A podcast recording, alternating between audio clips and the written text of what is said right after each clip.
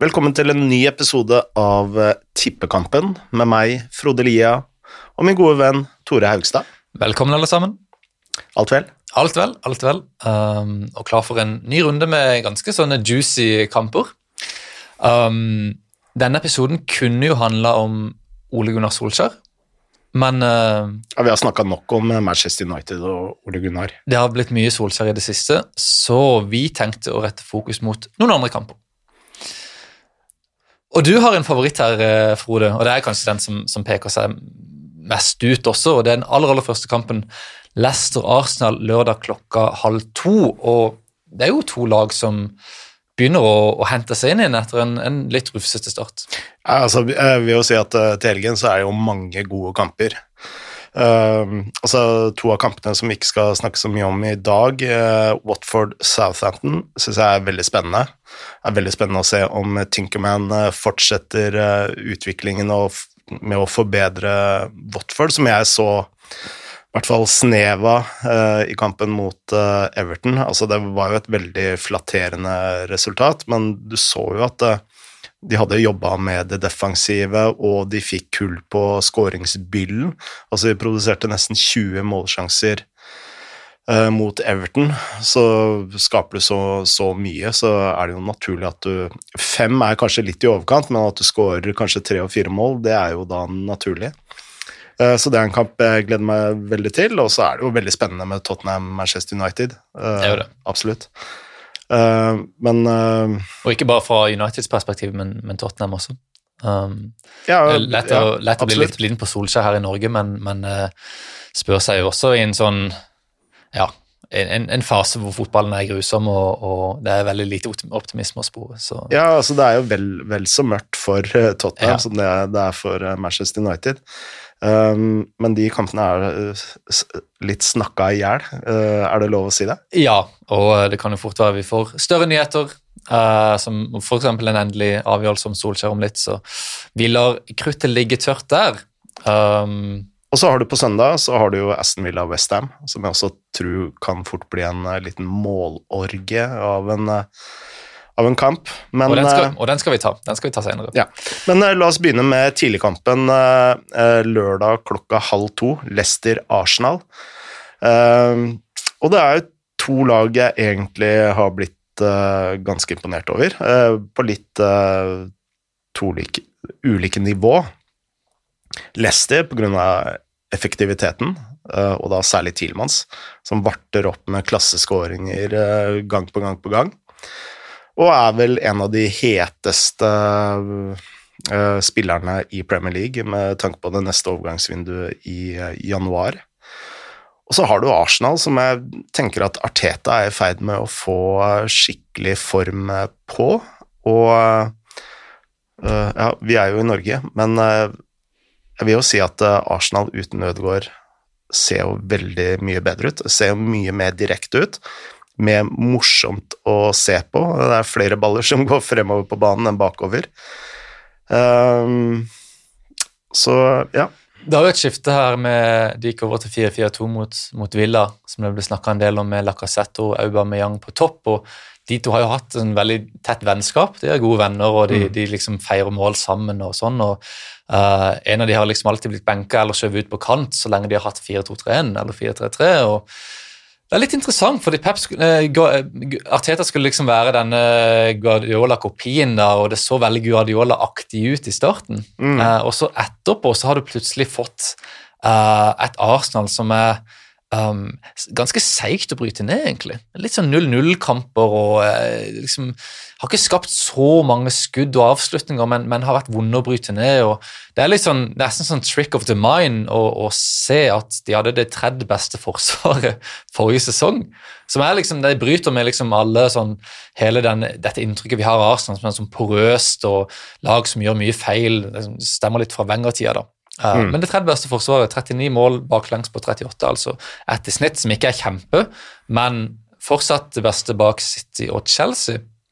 Um, og hvis vi ser tilbake på uh, den 5-0-kampen de hadde mot City, det tapet der, som var noe av det verste jeg har sett i Premier League, uh, så hadde det Være altså- Manchester United-Liverpool.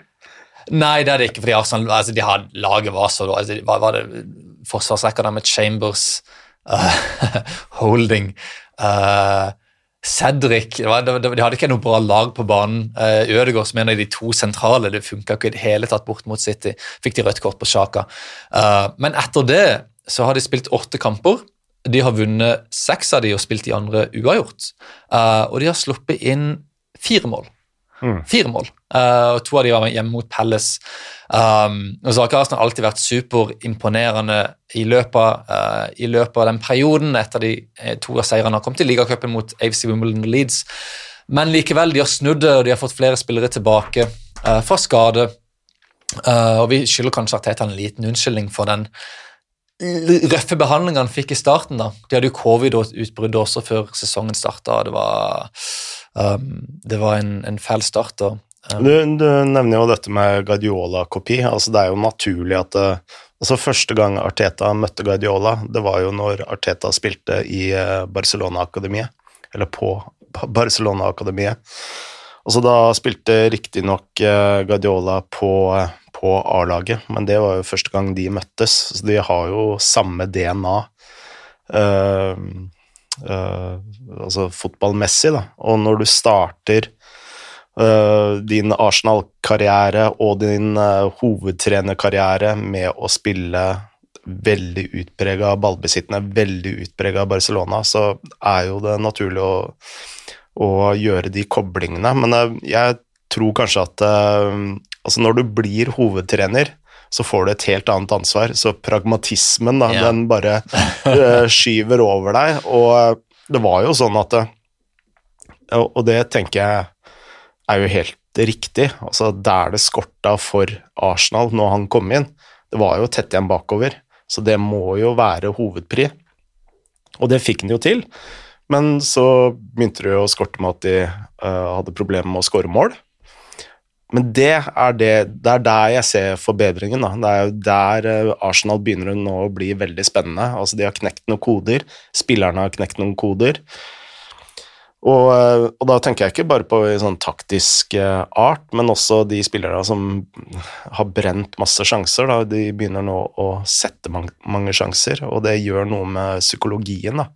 Så her tenker jeg at psykologien også begynner å spille, spille på lag med Arteta. Mm.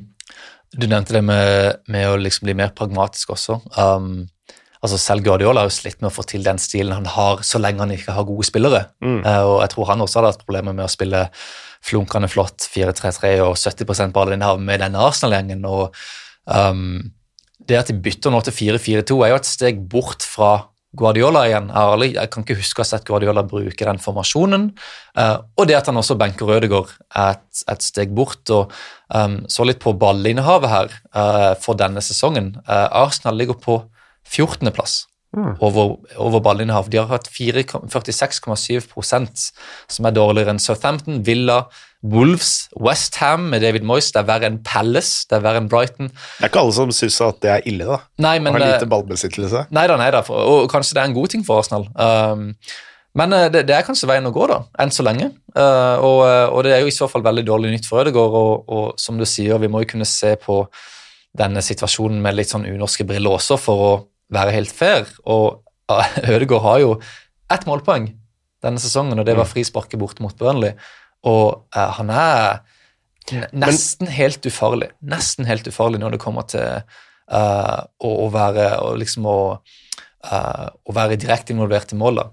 og hvis du ser på expected goals alt det her, så ligger han på 0,03 i forventede mål. Han har, av, han har, fyrt av tre skudd totalt i ligaen mm. siden sommeren. Tre skudd totalt. Uh, Et frisparkmål? Inkludert også to andre. That's it. Ja. Det er ganske utrolig for en spiller som er så offensiv og som har så mange gode posisjoner i, i, i løpet av en kamp. og uh, mens, mens til å være tilrettelegger også så ligger han på 0,06 i forventede målgivende. Og igjen, det er veldig, veldig lavt. Um, ser man på det han hadde på høsten, nei, på våren for Arsenal så lå han på 0,11 i forventet mål, 0,22 på mm. forventet målgivende. Så som en spiller som er direkte involvert i, i, i mål, så har Ødegaard falt, falt av en, en, klippe egentlig siden sommeren. Eh, det er ikke noe annet å si. Men eh, har det ikke egentlig vært sånn helt siden han eh, dro til Real Madrid? Altså, det som var så imponerende med Ødegaard når han spilte i Strømsgodset, f.eks., det var jo at han var veldig ofte nest sist. Han kom i mellomrommet, blei rettvendt. Uh, og om han ikke var nest sist, så var han gjerne tredje sist. Da. Og han var den som spilte key passes. Men det ser man ikke, eller man så det ikke like bra i Real Madrid, altså de gangene han fikk sjansen der, og man ser det ikke i Arsenal. Nei, han var bedre før, eh, men, men nå har han, han har kanskje aldri vært så lite farlig som, som, som han er nå. Ja, nå altså jeg så altfor lite Ødegaard i Nederland, så jeg kan ikke kommentere det, men Nei. av det jeg har sett i Spania og i England, så, mm, ja. så virker det som han eh, har endra spillet sitt på en eller annen måte. Ja, og han har jo ikke vi har jo ikke tall for forventet mål og målgivende fra Nederland akkurat på den oversikten vi har her. Eh, han hadde jo, var jo involvert i masse mål der, mm. men tok frispark også da det hjalp. Men, men ja. Men uh, jeg har en sånn liten greie, og, det er ikke sikkert dette spiller inn uh, altså han, jo, han, han, var jo på sitt beste igjen i en liten periode i Sociedad og i Nederland, så jo, han har jo vært på, oppe på nivået etter dette. Men um, jeg fulgte jo Jeg flytta til Madrid Uh, noen måneder før han ble signert av Real Madrid. Mm. Uh, og da han begynte å spille for Castilla, altså laget, uh, andre laget i tredjedivisjon, så, så, så satte NRK meg til å gå på de kampene. Alle, alle hjemmekampene og et par bortekamper. Mm. og da var det en periode altså Jeg så hans utvikling der, da. og selvfølgelig, du er nordmann på, på 16 år som ikke kan spansk og kommer inn blant uh, masse spanjoler i 20-årene. Det er veldig veldig vanskelig å, komme inn i, i, det laget, både sosialt og sportslig. Uh, det kom en sak veldig tidlig hvor det sto at Ødegaard tjente mye mer enn de andre, og at de ble sjalu. Mm. Um, og så, uh, det var noen måneder etter at han hadde begynt å spille der, så kom det en sak av Fredrik Hermel i Diario As, som er en av de to store avisene i, i sportsavisene i Madrid. Og Hermel er en fransk journalist som er mye på dette Chiringuito-showet, og som er veldig veldig nærme både Zidane og Benzema. Mm. Uh, og Zidane var jo trener for Castilla på den tida. Mm. Uh, og Hermel skrev at uh, Ødegaard ikke hadde klart å integrere, integrere, seg i laget. At han liksom ikke Han var som en egen sånn øde øy, da, sånn taktisk sett. og spillerne stolte ikke helt på han, og han, kom, han klarte liksom ikke å få det til å stemme. Uh, og at han måtte liksom linke opp mer med sine medspillere. da. Mm. Uh, og frem til da så hadde han vært veldig sånn at han prøvde på mye forskjellig med vipper og masse finter og, og sånn. Uh, og jeg mener da at etter den saken kom ut, så begynte han å spille mye tryggere.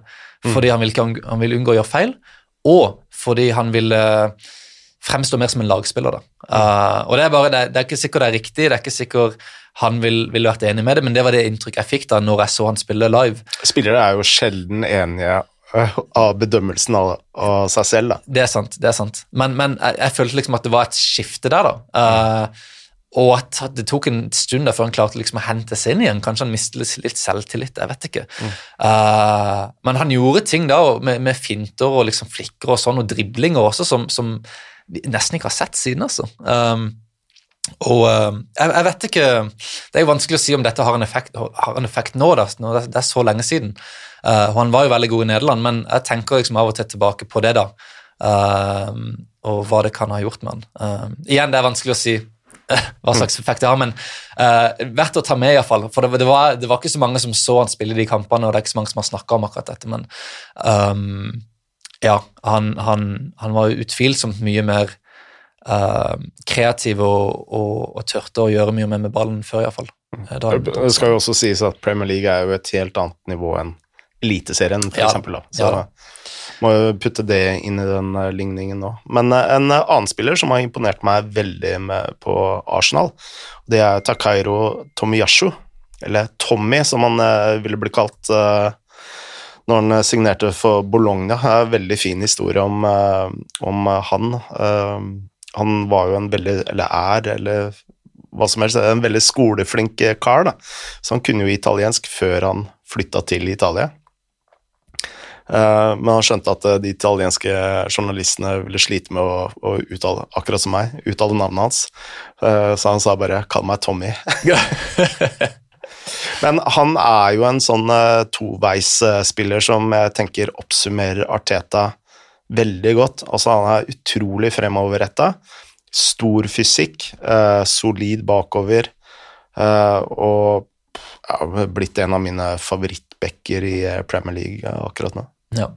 Det er jo et sånn De har hatt problemer der en god stund. Bellerin Ja. er lånt ut nå. Um, så hadde de vel um, Cedric som en, en venn av uh, Kia, som en, igjen en venn av, av Edu, sportsdirektøren, som ble henta inn eh, på tross av masse skader og sånn, og han har vel ikke helt slått seg ned der. Um, så det er jo en, en Cedric spilte veldig bra i ligacupen nå sist. Ok, ok, jeg, Så- jeg så ikke den. Um, men uh, Cedric kanskje da fremstått mer som en skuespiller, da, Mm. mens um, vår gode venn Tommy kan endelig være da et, et permanent løsning på den eh, posisjonen, og backer er jo kjempeviktig for alle lag, og eh, da spesielt Arteta slash Guardiola-systemer.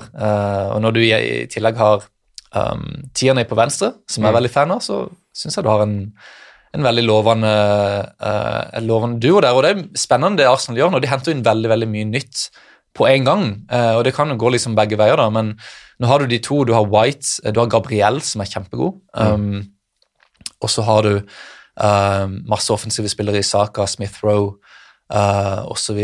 Um, så det, det er en veldig spennende stamme som, som de begynner å få på plass der Mm. kanskje ikke liksom, kan, Piker kanskje ikke nå, men la oss si da at Arteta fortsetter å få sving på det, og de kan holde denne stammen sammen da i tre-fire år. Kan bli interessant. Og så Vi snakka sist om eh, Eller vi hadde et veddemål sist om eh, Manchester United ville ende topp fire eller ikke.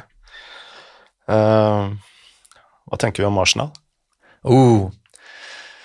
Jeg hadde de på sjetteplass før sesongen. Um, tingen er at det er ikke så mange bak topp fire som egentlig skiller seg ut. Tottenham synker som en stein. Leicester begynner å hente seg inn nå, men som du sier, de har vært veldig effektive. Mm. Uh, hvem andre er det som liksom kan, kan nå helt opp der? Uh, Leeds har skuffa. Um, det er ikke så mange. Så det er jo mulig, det er mulig å ta den femteplassen. Altså, ja, altså Det er jo Brighton som har den nå. Westham ligger på en uh, fjerdeplass.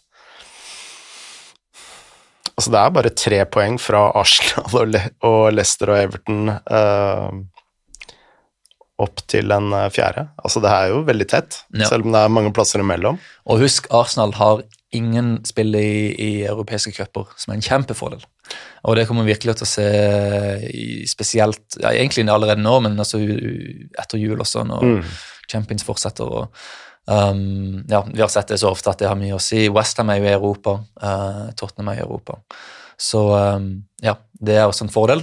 United er litt vanskelig å plassere, for de plutselig får de inn kontet, og så gir de opp, opp tabellen. Men, uh, men uh, absolutt uh, muligheter for Arsenal til å Jeg er overrasket om de klarer topp fire, men, men femteplassen er absolutt innenfor rekkevidde. Ja, si vi snakker om topp eh, fire-plassen, da. Altså stå mellom Westham. Du må jo ta med Brighton i den uh, ligninga der. Tottenham, Manchester, Everton, Leicester og Arsenal. Det er vel de som realistisk da kjemper om den ene plassen. Hvem har du øverst av de lagene til Leicester. å ta den fjerdeplassen? Leicester. Leicester? Ja. Jeg tror de henter seg inn. Men ja. For de har hatt så mye skader, og nå er Evans tilbake. eh, og de har vunnet to av to med han fra start. Um, var de også var de alltid rart, fordi var de spiller alltid kjempebra før jul, og så slukter han helt etter jul. Uh, det er veldig spent på om liksom, han holder det oppe. Uh, utover sesongen, Daka har jo vært kjempespennende, uh, som vi nevnte forrige uke. Um, så de har, de, jeg tror de har nok der. Uh, Og så har du Tilmans, men han er jo Altså, han eh, Altså, det skrives veldig mye i engelsk presse om at han kan gå allerede i eh, januar. ja, men hvor? Ja, hvor? Mm, Det er jo ingen som har linka han til noen klubber, så Det er en type spiller som United kunne trengt, syns jeg. ja. En, en sentral midtbanespiller som er god med ballen, og som liksom kan føre Det som er med Tillmans, da, han starta jo som et uh, anker, men eh, blei eh, etter hvert, og særlig i Monaco, eh, satt høyere og høyere opp på banen. Ja. Så Og han er vel mer en sånn Frank Lampard Eller blir jo sett på en slags sånn Frank Lampard-type spiller. Det Arsenal Nei, Manchester United trenger, er vel mer et ordentlig anker. De trenger egentlig begge deler. Ja. Uh, men jeg bare savner noen som kan gjøre noe med ballen. Ta ballen fra forsvaret og så finne Bruno i mellomrommet. Litt sånn som um, Alonso pleide å gjøre. da. Mm. Nå må du ikke ha en sånn så defensiv type som Alonso, men la oss si i en ideell verden at de får en Rice som er et defensivt anker, og så en litt sånn link up, en, en spiller som kan være litt mer frem og tilbake da, ved siden av det, som f.eks. Tielmanns. Um, Men det jeg tenker om Leicester, da, det er jo at eh, de har jo vært litt heldige. Eh, I siste kampene mot Brentford så var Brentford det beste laget. Skapte mest og Jeg tenker jo at eh, en seier til Leicester der var veldig flatterende. ja, men sliter gale mot Brentford. de gjør det. Ja, og jeg tenker jo Brentford er et veldig undervurdert eh, lag. Ja, de er vanvittig gode. Um, ser du på forventede mål imot, så de på, har de det nest beste forsvaret. Uh, de burde slått Chelsea, de kunne fint slått Leicester, de slo nesten Liverpool. Uh, de er utrolig utrolig gode og ikke minst veldig veldig solide. og um, kan fint være at de havner liksom Jeg, jeg ser de oppe på 12.-13.-plasser på slutten. Eh, Det jeg tenker eh, med, med Leicester da, og Brendan Rodgers, det er jo at han, eh, han er jo en veldig lite pragmatisk trener, hvis det går an å bruke et sånt ord. Altså Han er med en sånn type stiltrener, og jeg har jo en tese om at eh, stiltrenere de kommer til et visst nivå, men eh, ikke lenger. Øh, øh, jeg veit ikke om du kjøper, kjøper Altså, det som Uh, Pep Guardiola for eksempel, han starta som en stiltrener, og så blei han en sånn pragmatiker etter hvert. Uh, hvor du endrer formasjon og ditten og datten uh, for, i enkeltkamper og sånt, mens Brendan Rodgers er, han kjører en plan A gønner på med det.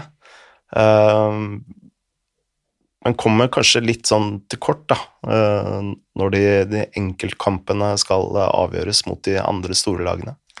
Jeg kjøper ikke helt den. Nei? Nei. Hvorfor ikke? Jeg, for jeg, jeg syns han, han skifter stil. Jeg synes han, kan, han, han skifter formasjoner ganske ofte. Uh, han kan spille tre bak, uh, han kan spille 4-3-3. Uh, når han nesten tok uh, når han nesten tok tittelen med Liverpool i 2014, så hadde han jo et hav av systemer Mm. han brukte. Men samtidig som spillestilen var ganske fast. da. Uh, men Liverpool der var jo kjempekontringsbaserte. De, hadde, de kunne ha diamant, de kunne ha 4-2-3-1, de hadde tre bak. Uh, han bytta vel til 3-4-3 sesongen etter, når han sleit uten Suárez. Um, jeg synes han, han, er, han er flink til liksom skolering mellom de systemene. Og så er han hovedsakelig da en, en ballbesittende trener, men um, jeg syns han kan justere om han må, og kanskje er Leicester av og til litt åpne, men um, det er en jeg, vil si når du sier, jeg, jeg vil forsvare han sånn stilmessig. Uh, Jeg syns han er en slags en cheap man's Guardiola uten at det er nødvendigvis noe dårlig. Uh, og um, det er jo ikke, han, han har jo tatt nesten, Leicester nesten inn i topp fire nå. Uh, man kan ikke forvente så veldig mye mer heller. Um, men sånn stilmessig Jeg vil si, jeg vil ta det på andre sida, at stilmessig er det et problem når trenere har en, altså Trenere som har en defensiv stil eller direkte stil, og det snakka vi litt om forrige uke. Jeg vil si Det er de som liksom treffer glasstaket. da. Eksempel Sean Dyke eller Roy Hodgson. Uansett hvor bra de gjør det, så kommer de ikke til å få jobben i en sånn toppklubb, fordi toppklubber spiller ikke sånn. Nei. Der vil jeg si liksom en stor grense sånn stilmessig. da. Mens en type som, her, som Graham Potter da, fint kan få en toppjobb snart, selv om Wrighton ikke kommer på øvre halvdel, fordi de spiller som et topplag gjør, Mm. eh, hvis det er mening. Um, så ja. Over til en annen eh, som blir betegna som en eh, Guardiola-disippel, eh, Newcastle-Chelsea, Ja. klokka fire på lørdag. ja. Eh, la oss starte med Tykkel. Og grunnen til at uh, vi kan starte med Tykkel, det er jo at uh, nå går vi jo inn i en tid hvor de første trenersparkingene kommer til å skje.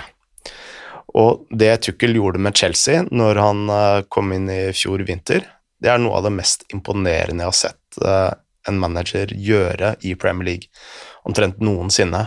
Det å skape et av de dårligste forsvarslagene i Premier League, som Chelsea var under Lampard, til å skape et av de sterkeste forsvarslagene i Premier League, altså på bare noen uker. ja. ja. Eh, og hvis du legger til at han brukte 39 spillere de, eh, eh, Var det 10 eller 15 kampene etter det? Så, eh, så hva, hva slags type er dette her? Det er jo ganske utrolig. og um, Jeg husker han Den første kampen var hjemme mot Wolves i januar. Um, og Tuchel begynte visstnok å forberede til kampen på flyet til London Mm. uh, før han hadde blitt presentert, så det sier kanskje litt om arbeidsmoralen der. Og det var jo um, et, en 0-0-kamp hjemme mot Wolves. Det var ikke akkurat imponerende, men jeg husker Tuchel snakka liksom om hvor fornøyd han var med at Chelsea hadde vunnet ballen, ballen så ofte høyt i banen. Mm. Snakka om recoveries, ball recoveries eh, på motsatt banehalvdel. og Det var liksom veldig lite entusiasme for dette. da. Eh, liksom, du har spilt 0-0 hjemme mot Wolves, og så er det liksom, raver du om, om det her. Er det her liksom noe å, å, å, å løfte frem? Men uh, det sa jo litt om, liksom, om, om Chelsea sin struktur der, og, uh, og måten de jobber sammen som, på som lag. og Mm. um, Det er kanskje lett for oss å undervurdere hvor gode de beste trenerne er. Mm.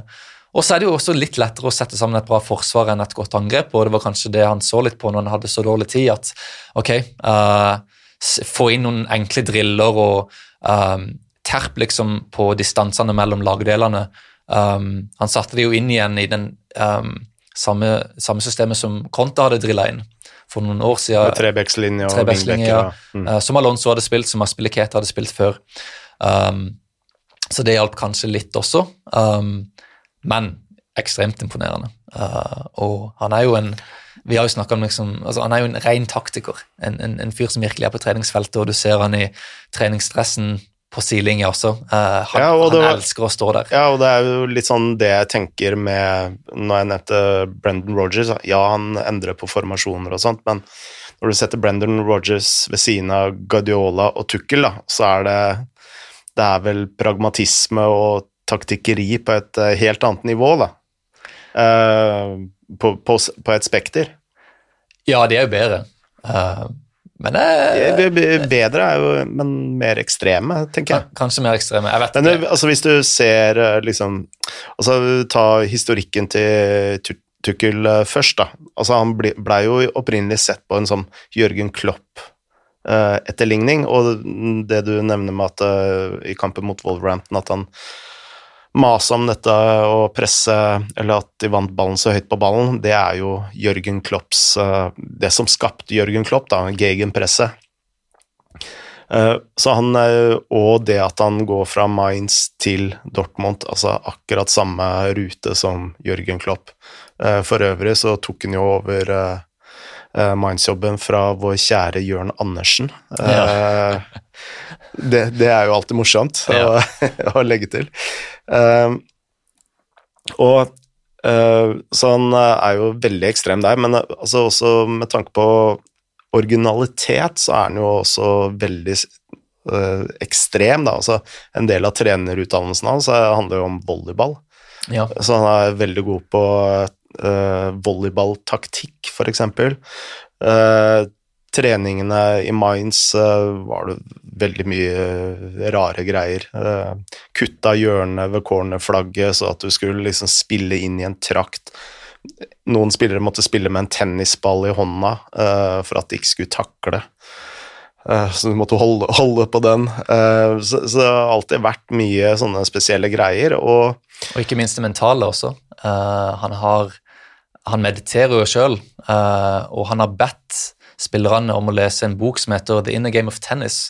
Uh, og jeg spiller tennis, og jeg har lest den boka. Mm. Uh, og det er veldig sånn Du vet når liksom altså hvis, Alle som lytter på, som liksom har spilt sport, av og til så kommer du inn i en, en periode hvor liksom alt går på autopilot. sant? Du tenker ikke. Bare Kroppen din bare gjør utrolige ting, og du er bare i sonen. Mm. Uh, og uh, hele den boka handler liksom, at du, om, å, handler liksom om å skru av den her interne dialogen du har med deg sjøl.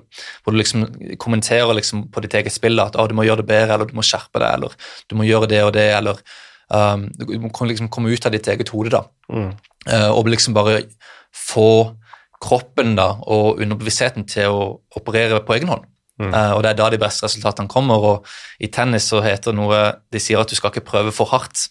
fordi hvis du prøver for hardt, så skrur du liksom på den dialogen som forstyrrer Mm. underbevisstheten, da, uh, og, og kroppens liksom autopilot. Uh, og det er liksom en sånn religiøs bok nesten i tennisverden som alle har lest, og som har vært en sånn klassiker skrevet for lenge, lenge siden. og han har liksom fått spillerne til å lese den, da. Mm. Sånn at de liksom skal overføre de samme prinsippene til fotballen. og Det er liksom en greie som kanskje ikke alle uh, trenere får med seg. da, uh, og, og, det viser jo at han arbeider, har veldig god forståelse da, for det psykologiske og mentale også. Mm. Men så er han jo han er jo en virkelig pragmatist, da. Jeg kan jo også legge til at han er vegetarianer. Ja.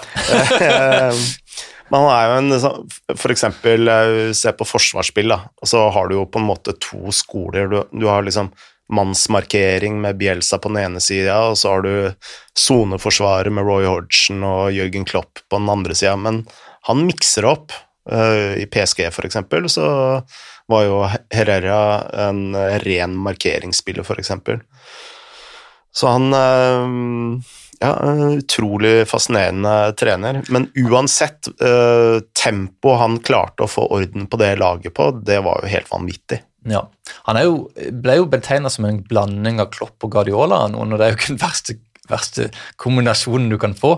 Um, men for å runde av det, da, så er han jo jeg, jeg vil jo si han er en, og han sier det jo selv at han er en Guardiola-disippel. Uh, mm. og um, veldig sånn god på posisjoneringsspill og sånn, uh, litt mer tålmodig i oppbygging av spillet, kan du si. Um, og um, de to, Han var jo i Dortmund mens Guardiola var i Bayern. og de, de, to har jo snakka om en middag eh, de spiste sammen i løpet av den perioden, på Schumanns bar i München. Mm. Eh, og Der snakka de om fotball, fotball, fotball fotball hele tida, og de diskuterte hvordan Guardiola hadde bygga opp Barcelona. og um, Jeg tror Tuchel henter veld, veldig mye informasjon derfra. Mm. Uh, og uh, de har jo hatt et veldig godt forhold siden. og sånn, og, uh, Men jeg vil si liksom, jeg, jeg vil si at Tuchel kommer fra den tyske stolen, men så har han liksom kommet nærmere og nærmere Guardiola de siste årene, uten at han nødvendigvis er, er helt lik. Det er jo forskjeller, som du sier. Jeg nevnte jo Roy Hodgson, og altså Jeg er jo kanskje en såkalt fotballhipster selv, men jeg husker sånn på 2010-2011-tallet så var jo hele fotballhipstermiljøet over hele Europa var jo veldig fokusert med dette på gegenpressing og snakka om det som noe veldig nytt og sånt. og Roy Hodgson eh, skjønte jo ikke noe av det. Eh, for det var jo hele essensen i, i måten han tenkte fotball, og Argiosaki og var jo gjenvinning, gjenvinning. Og uh, Drillo, han har, har, jo mast om dette i alle år. Ja. Så, ja. Det er alltid noen som har gjort det tidligere enn man tror.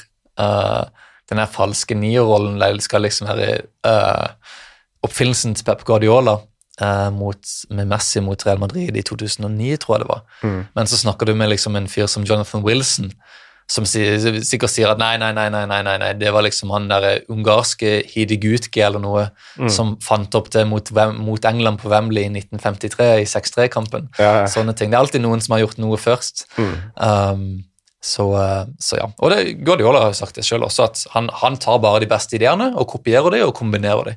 Mm. Så um, Du nevnte Marcos eh, Alonso, bare for å avslutte Chelsea. Men Tiego, Tiego Silva Tiago Silva. Silva. Ja. Hva tenker du han har betydd for Chelsea? Han har vært god. Jeg syns det er utrolig at han klarer å prestere sånn i en alder av 37 år. Ja. Um, litt, det er jo Tuchel som er stjerna her. Det er jo veldig mange stoppere som kommer og går i Chelsea. Uh, de roterer veldig mye. Chaloba har vært inne. Um, Christensen er inn og ut, um, osv. Sarre spilte en kamp, Silva har vært der. Uh, den eneste faste er jo Rudiger, som har blitt en av de beste stopperne i Europa under Tykul. Mm. Um, så, men Jeg tenker mer sånn på garderoben og okay. en eh, mentor og Ja, jeg vet ikke. Jeg syns han er vanskelig å si, mm. helt ærlig. Hadde du et poeng der med Silva, eller? Nei, jeg hadde egentlig ikke noe poeng med Silva. Jeg bare tenkte at uh, når Chelsea spilte under Lampard, så snakka man jo om hvor ungt det laget var, og uh, Ja, ja, ja. Det, ja. ja. Fordi altså, når man ser endringer i et lag, så er det så veldig, veldig lett å putte alt opp på det taktiske eller treninger eller noe sånt. Men ofte så er jo liksom det psykologiske aspektet enda viktigere, da.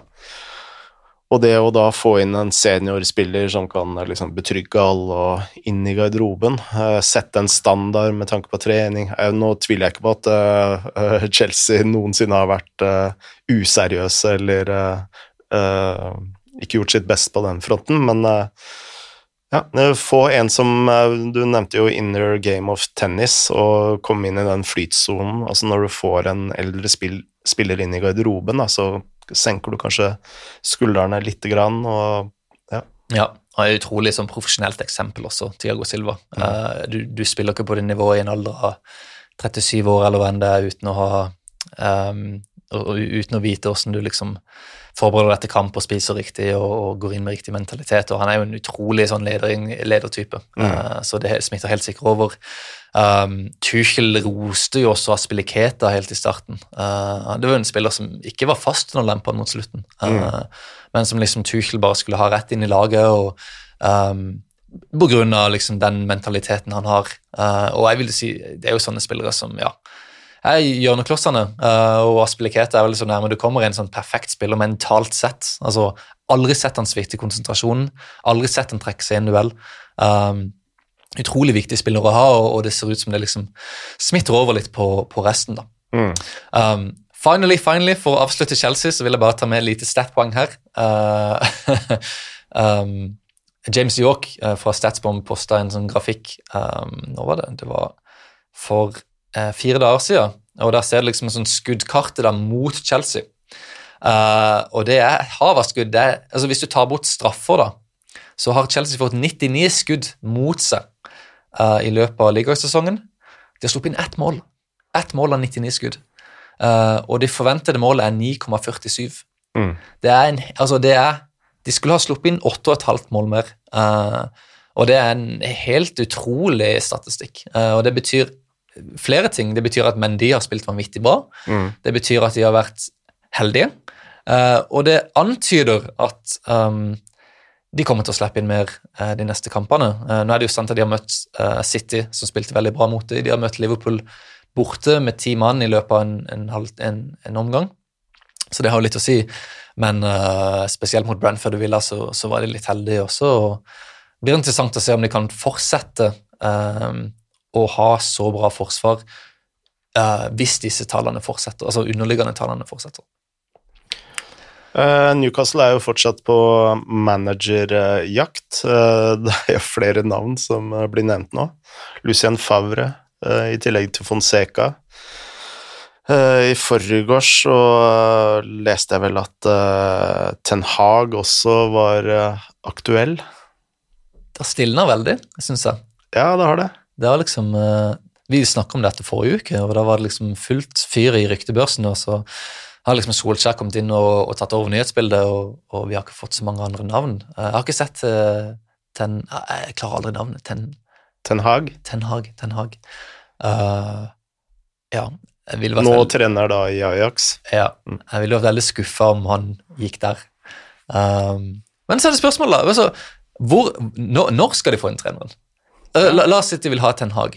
Tør de å vente helt til sommeren med å få inn en god, skikkelig god trener? Det kan de rykke ned. Kan Ja. fint rykke ned. Mm. Um, og det er ikke, ikke opplest å vedta at de får inn liksom masse superstjerner i januar med det laget der, og uten en hovedtrener på plass og sånn. Uh, de har vel ikke ennå vunnet en kamp, Newcastle, uh, denne sesongen, og, og ligger på 19.-plass, som sportslig sett i praksis er en 20.-plass, fordi Norwich teller ikke. Uh, så uh, Skal jo sies at uh, spillerne er veldig fornøyd med å ha Graham Jones som uh, interim manager. Okay. Så han Ja. Jeg vil, jeg vil si, hvis de, de, hvis de klarer å holde seg med Jones, Mm. så ville jeg bare beholdt han til sommeren, og så begynt på ny. ja. For da er liksom alle trenerne tilgjengelige, og du kan bygge fra starten av med sesongoppkjøring og sånn. Um, men uh, så spørs det da om åssen de ser det, og om de tør å vente så lenge. Jeg tror ikke de eh, klarer å holde seg. Nei. Ikke i det hele tatt. Kribler litt når du har brukt eh, 300 millioner pund på å kjøpe en klubb, og så vil du få inn en egen fyr. sant? Ja, altså, jeg tror ikke det er pengene det står om, men at det er æren. Så, Ja. Du kan For dette er jo et prestisjeprosjekt, og det å se at eh, Qatar, som er din hovedfiende, gjør det så, eh, så bra på den europeiske fotballscenen, da. Og du selv ender i eh, Championship. championship. Så, ja. ja. Nå, Men- fikk, nå fikk, de jo, fikk jo Saudi-Arabia kjøpt seg Maradona-cupen, da. Jeg vet ikke om du så det. Nei, det så jeg ikke. Så det, ok, det skulle være en, eh, en æreskamp uh, mellom Boca og Barcelona til minne for Maradona. Ja. Uh, og da har du så mange, kamper, så mange steder den kampen kan gå. Han kan gå i, eh, på Bombonera, han kan gå på Camp Nou, han kan gå på jeg vet ikke, La oss flytte han til Napoli, eh, som har oppkalt stadionet etter Maradona. Men nei, den skulle gå i Hvordan staver du det? Riyadh, eh, som er um, um, hovedstaden i Saudi-Arabia, og som ikke har noen verdens ting å gjøre med Maradona. Så eh, ja, så romantisk var det. Eh, La oss snakke litt om eh, Aston Villa og Westham før vi må avrunde her. Eh, Tida flyr fra oss. Aston Villa, eh, når vi snakker om nedrykk eh, Tror jo ikke de vil rykke ned, men eh, det er jo noe som ikke stemmer der. Ja, tre kamper på rad nå med tap. Ja. De har jo lagt om til 5-3-2 for å få inn Watkins og Ings på topp. Og det fungerte jo litt bra i starten. De slo Everton hjemme. De spilte veldig bra borte mot Chelsea borte. Og så slo de United på Old Trafford. Men eh, så har det knekt helt sammen, da. Eh, tap mot Tottenham. Eh, forferdelig eh, tap hjemme mot Wolves, og det leder 2-0 etter 80 minutter og taper 3-2. Også et veldig skuffende tap der mot Arsenal, 3-1. Um, så det virker som de er litt lost. Og de vet ikke helt sånn Det er litt sånn som på FM, da. At du liksom starter med en taktikk du tror er bra, og så etter tre kamper så går det skeis, og så er det sånn Ok, gidder jeg fortsette med den her? Han har jo Bailey, han har Bundia, han har masse spillere som passer et annet system. Skal han liksom gå tilbake til 4-2-3-1? Litt sånn sticky spot for uh, markedet. Nei, Spørsmålet er om uh, altså Hvis du ser på statistikken, da, så Danny Ings er uh, den det, er, det er bare Mohammed Salah og Phil Foden som har avfyrt flere skudd innenfor 16-meteren enn uh, Danny Ings på de siste fem kampene. Men det, det går helt imot en av mine teorier om at Ings er mye fa mindre farlig denne sesongen enn før. Mm. Eh, jeg, skal bare sjekke tallene hans. Jeg tror ikke de er så veldig bra. altså. Uh, ok, jeg um, Så 15 så lå han på ca. Han hadde to veldig bra sesonger uh, hvor han lå på 0,50 forventede mål per 90, som er veldig bra. Mm. Um, den siste av de sesongene i 2019-20 så skåret han 22 mål. Fantastisk. Og så gikk han ned på 0,34 i den siste sesongen i Sør 15. Da ble det kun 12 mål. Og nå er han nede på 0,25. Mm.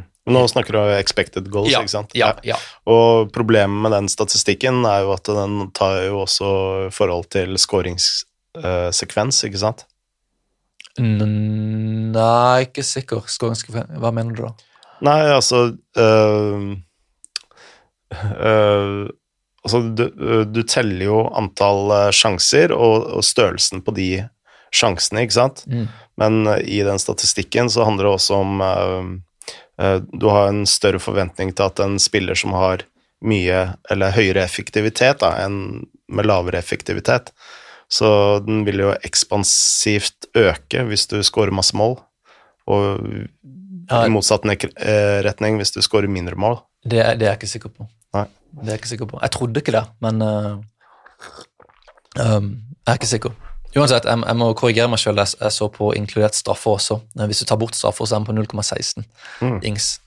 Så uh, min teori er liksom at han ikke kommer til å skåre så veldig mye mål nå. Uh, han er 29 år. Um, men vi får se. Vi får se. Mm. Men uh, litt bekymra for uh, Villa. Uh, og vi, vi kan jo bruke det til å gå over til en annen spiss fra England, Ja. som er på helt andre sida av skalaen, som skyter enda mer, og som har veldig veldig høye forventede mål, og det er en tidligere høyreback. ja uh, Michael Antonio. Ja. Han er jo født i England, men han spiller på det sjamaikanske landslaget. ja, og uh, har vært en Jeg vet ikke, altså han er jo han har jo vært en merkelig spiller lenge, fordi, eh, som, som vi snakka om forrige uke, en, en toppskårer. Uh, Westhams toppskårer i PL-historien, som lenge var høyre midtbane, høyre back. Og um, hadde alltid en enorm evne til å, til å komme til sjanser. Jeg husker han, han, han spilte noe sånn høyre wingback eller noe under Westham for noen år siden, og så liksom kom han til sånn tre-fire sjanser i boksen uh, hver kamp. Og jeg liksom, Hvordan i alle dager klarer han det her? Jeg er bare en veldig veldig farlig spiller generelt. og um, Sånn i etterpå, etter Jeg vet ikke Etter eh, ettertidens klo, klokskap, jeg vet ikke hva det heter. Uh, etter Putins klokskap. Jeg vet ikke. Så jeg gir det i hvert fall veldig mye mening å flytte han nærmere mål, og han danka ut Haller forrige sesong og, og er nå um, en av de spillerne som, som er mest målfarlig. Um, ligger på 0,59 forventede mål per 90, som er veldig veldig høyt. Jeg tror det er over Sala for åpent spill, faktisk. Mm. Um, samtidig som han også skaper litt sjanser. Så en av de aller, aller beste spissene i, i Premier League. Og så blir du spiss så sent i karrieren. Ja, han er 31 år. Ja, for han har spilt uh, back, han har spilt uh, på midtbanen, han har spilt på vingen, og først nå spiss. Ja. Um, det er veldig sjeldent å se spillere som har en sånn eksplosivitet. Altså, Helt, helt rå. Det er det målet han skårer mot, mot Leicester. Jeg tror det var det andre eller tredje målene, hvor han liksom bare vender opp en femøring og banker ballen i mål. Mm. Uh, det er veldig, veldig få spillere som kan um, som kan gjøre det, og kan sammenligne liksom med Haaland, og sånn, som også har en veldig rå pakke, men jeg vil si Antonio er enda mer eh, eksplosiv. Liksom, han, han, liksom, han, han, Agility, da. Eh, han, han, jeg vet ikke, han har Måten han liksom vender opp på, eh, på små områder. Um, mulig å sammenligne dem, men, men jeg synes nesten Antonio er enda råere. og um, Håper bare at han holder seg skadefri. Mm. Uh, fordi hvis han ryker, så har vel ikke Westham noe plan B i det hele tatt. Nei, har ikke det. Så det er jo Altså, når vi snakka om eh, topp fire her eh, eh, tidligere, så er det vel uh, Westhams Medicals som, uh, som uh, må på jobb. Ja, ja.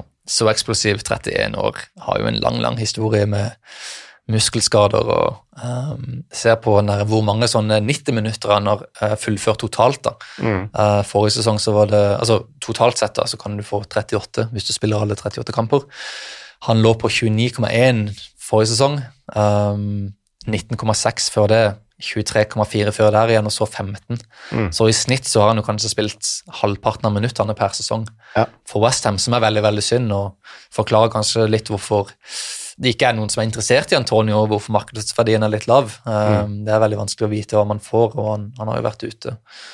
Han kan være ute med skade allerede denne sesongen. Jo, han har jo vært ute noen kamper. Ja, så eh, Samme er jo Ben Rama, ja. som eh, er den neste på skåringslista til uh, Westham.